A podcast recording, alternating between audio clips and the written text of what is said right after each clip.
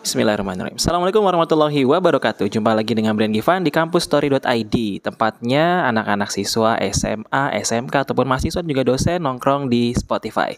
Jangan lupa tetap follow dan juga ikuti Spotify kampusstory.id Supaya teman-teman bisa terus mengikuti kami Dan tahu tentang informasi terbaru bagi siswa-siswa SMA, SMK, MA ataupun mahasiswa tentunya. Nah, kali ini saya Brand Givan masih mau sharing uh, tentang SNMPTN. Wow, apa tuh? SNMPTN berarti seleksi nasional masuk perguruan tinggi negeri yang saat ini sedang uh, di apa ya dimulai ya dimulai di awal bulan Januari ini sebenarnya dari bulan Desember sudah mulai informasinya namun uh, baru bisa mulai daftar itu adik-adik SMA SMK atau MA di tanggal 10 Januari 2022 nah jadi bagi kamu nih yang mendengar uh, kampusstory.id uh, bingung gimana cara SNPTN, gimana caranya daftarnya atau segala macamnya, bisa coba dengerin uh, podcast ini. Nah, di podcast kali ini episode ke-23 kalau nggak salah ya. 23 apa 22 ya? ya segitulah pokoknya lah ya. Saya mau sharing tentang tips dan cara pemilihan prodi di SNMPTN 2022. Yang pasti jangan sampai nyesel. Kenapa? Karena kalau kamu misalkan uh, salah milih prodi dengan mindset yang yang yang aneh-aneh gitu ya. Kan kadang ada mindset yang aneh-aneh itu pasti ujung-ujungnya nyesel. Nyesel tuh bisa dalam arti kuliahnya nggak selesai di tengah jalan atau ada kata-kata salah jurusan. Nah kalau kamu sudah mulai salah jurusan coba dengerin podcast saya tentang salah jurusan di kampusstory.id ini dia Tahun 2022 sudah dimulai dan teman-teman sudah bisa mendaftarkan diri Anda di SNMPTN, Seleksi Nasional Masuk Perguruan Tinggi.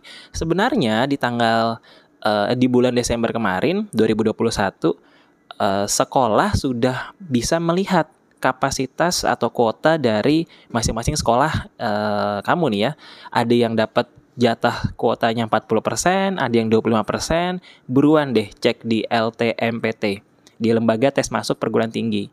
Sekolah kamu dapat berapa persen ya? Karena apa? Karena SNMPTN ini merupakan uh, jalur yang ditempuh hanya menggunakan nilai raport tapi nilai rapotnya yang bagus tentunya ya dari semester 1 sampai semester 5.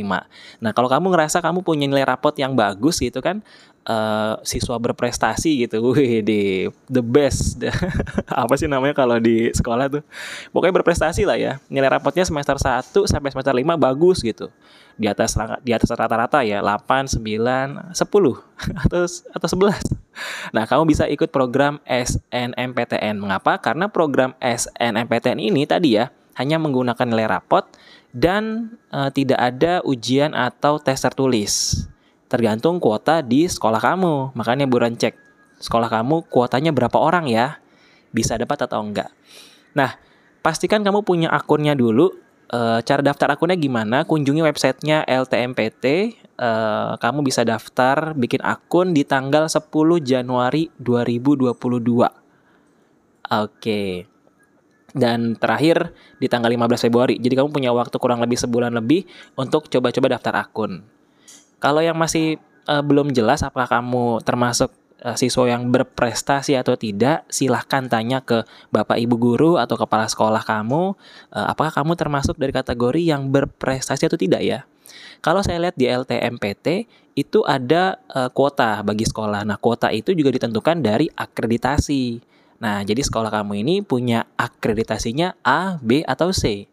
Nah, di situlah kamu nanti bisa menentukan seberapa besar peluang kamu untuk ikut SNMPTN 2022.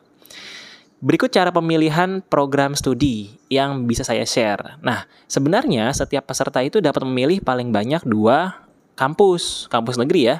E, ketentuannya pertama, setiap siswa boleh memilih dua program studi dari satu PTN atau dua PTN.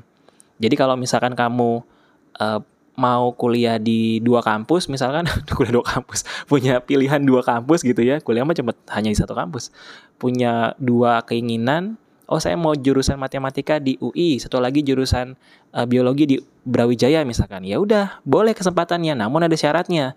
Salah satu program studi yang kamu pilih itu harus berdomisili sesuai dengan provinsi yang sama dengan SMA atau SMK atau MA tempat kamu berasal.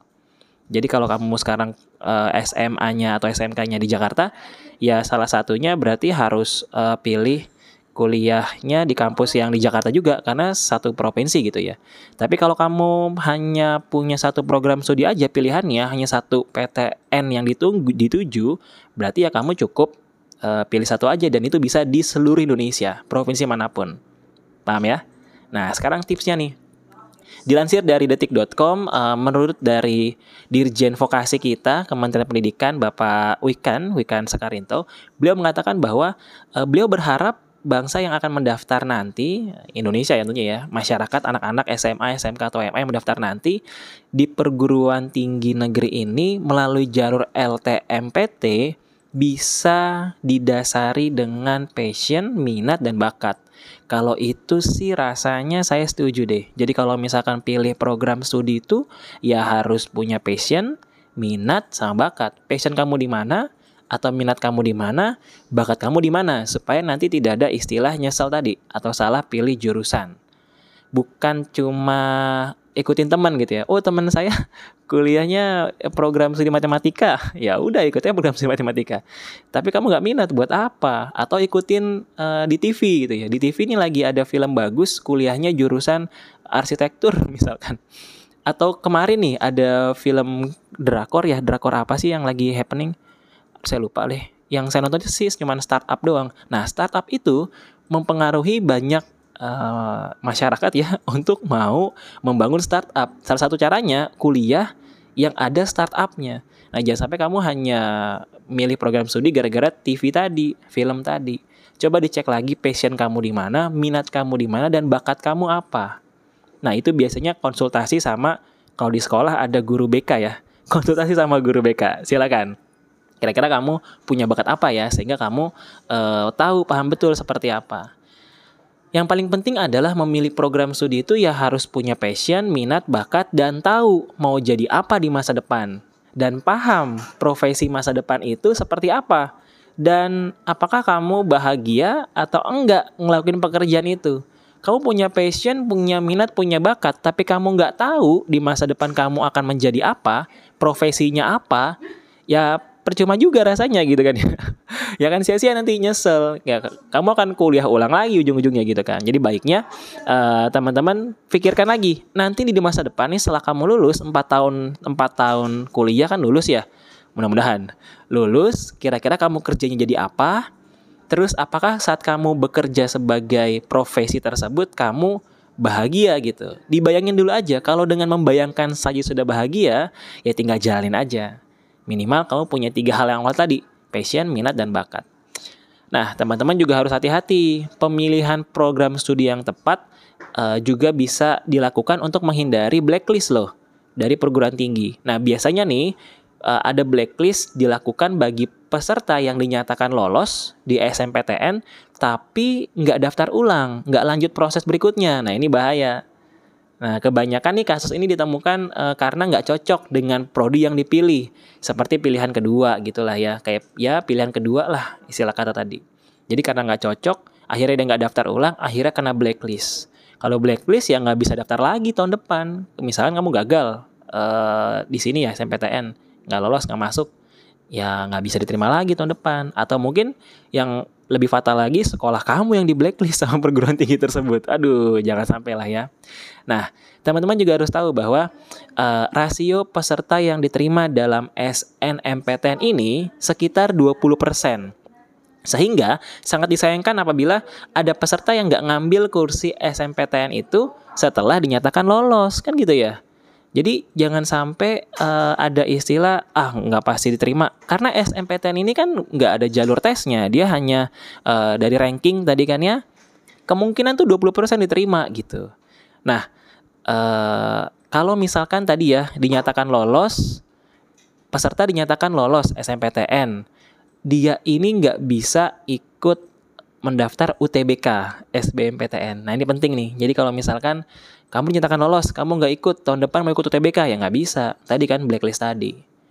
Nah untuk itu jangan sampai lupa adik-adik, adik-adik, teman-teman semua nih yang mau masuk kuliah nih, uh, pikirkan matang-matang mau program studi apa yang kamu yang mau kamu pilih gitu ya, dengan tadi passionnya, minatnya, dan bakatnya juga. Dan pastikan juga bukan hanya sekedar ingin yang sesaat. Karena saat kita menjalani hari-hari kita di bangku kuliah ya 4 tahun, ya lumayan lama tuh. Terus juga tadi kan harus mikir juga ke depannya nih 4 tahun kemudian mau jadi apa ya? Apakah saat ini masyarakat mendukung? Apakah saat ini uh, dunia mendukung untuk kita berprofesi seperti apa yang kamu inginkan. Seperti itu.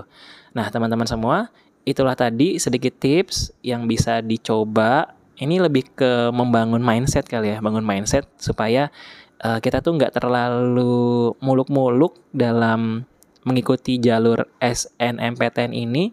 Kalau sudah yakin sama satu program studi, udah satu aja. Walaupun boleh milih dua tapi saran saya sih cukup satu aja karena kemungkinan diterimanya itu besar tadi sekitar 20%. Ini info dari Ketua LTMT ya, Bapak Muhammad Asari. Beliau mengatakan tadi e, kemungkinan diterima 20%. Uh, gede lah pokoknya.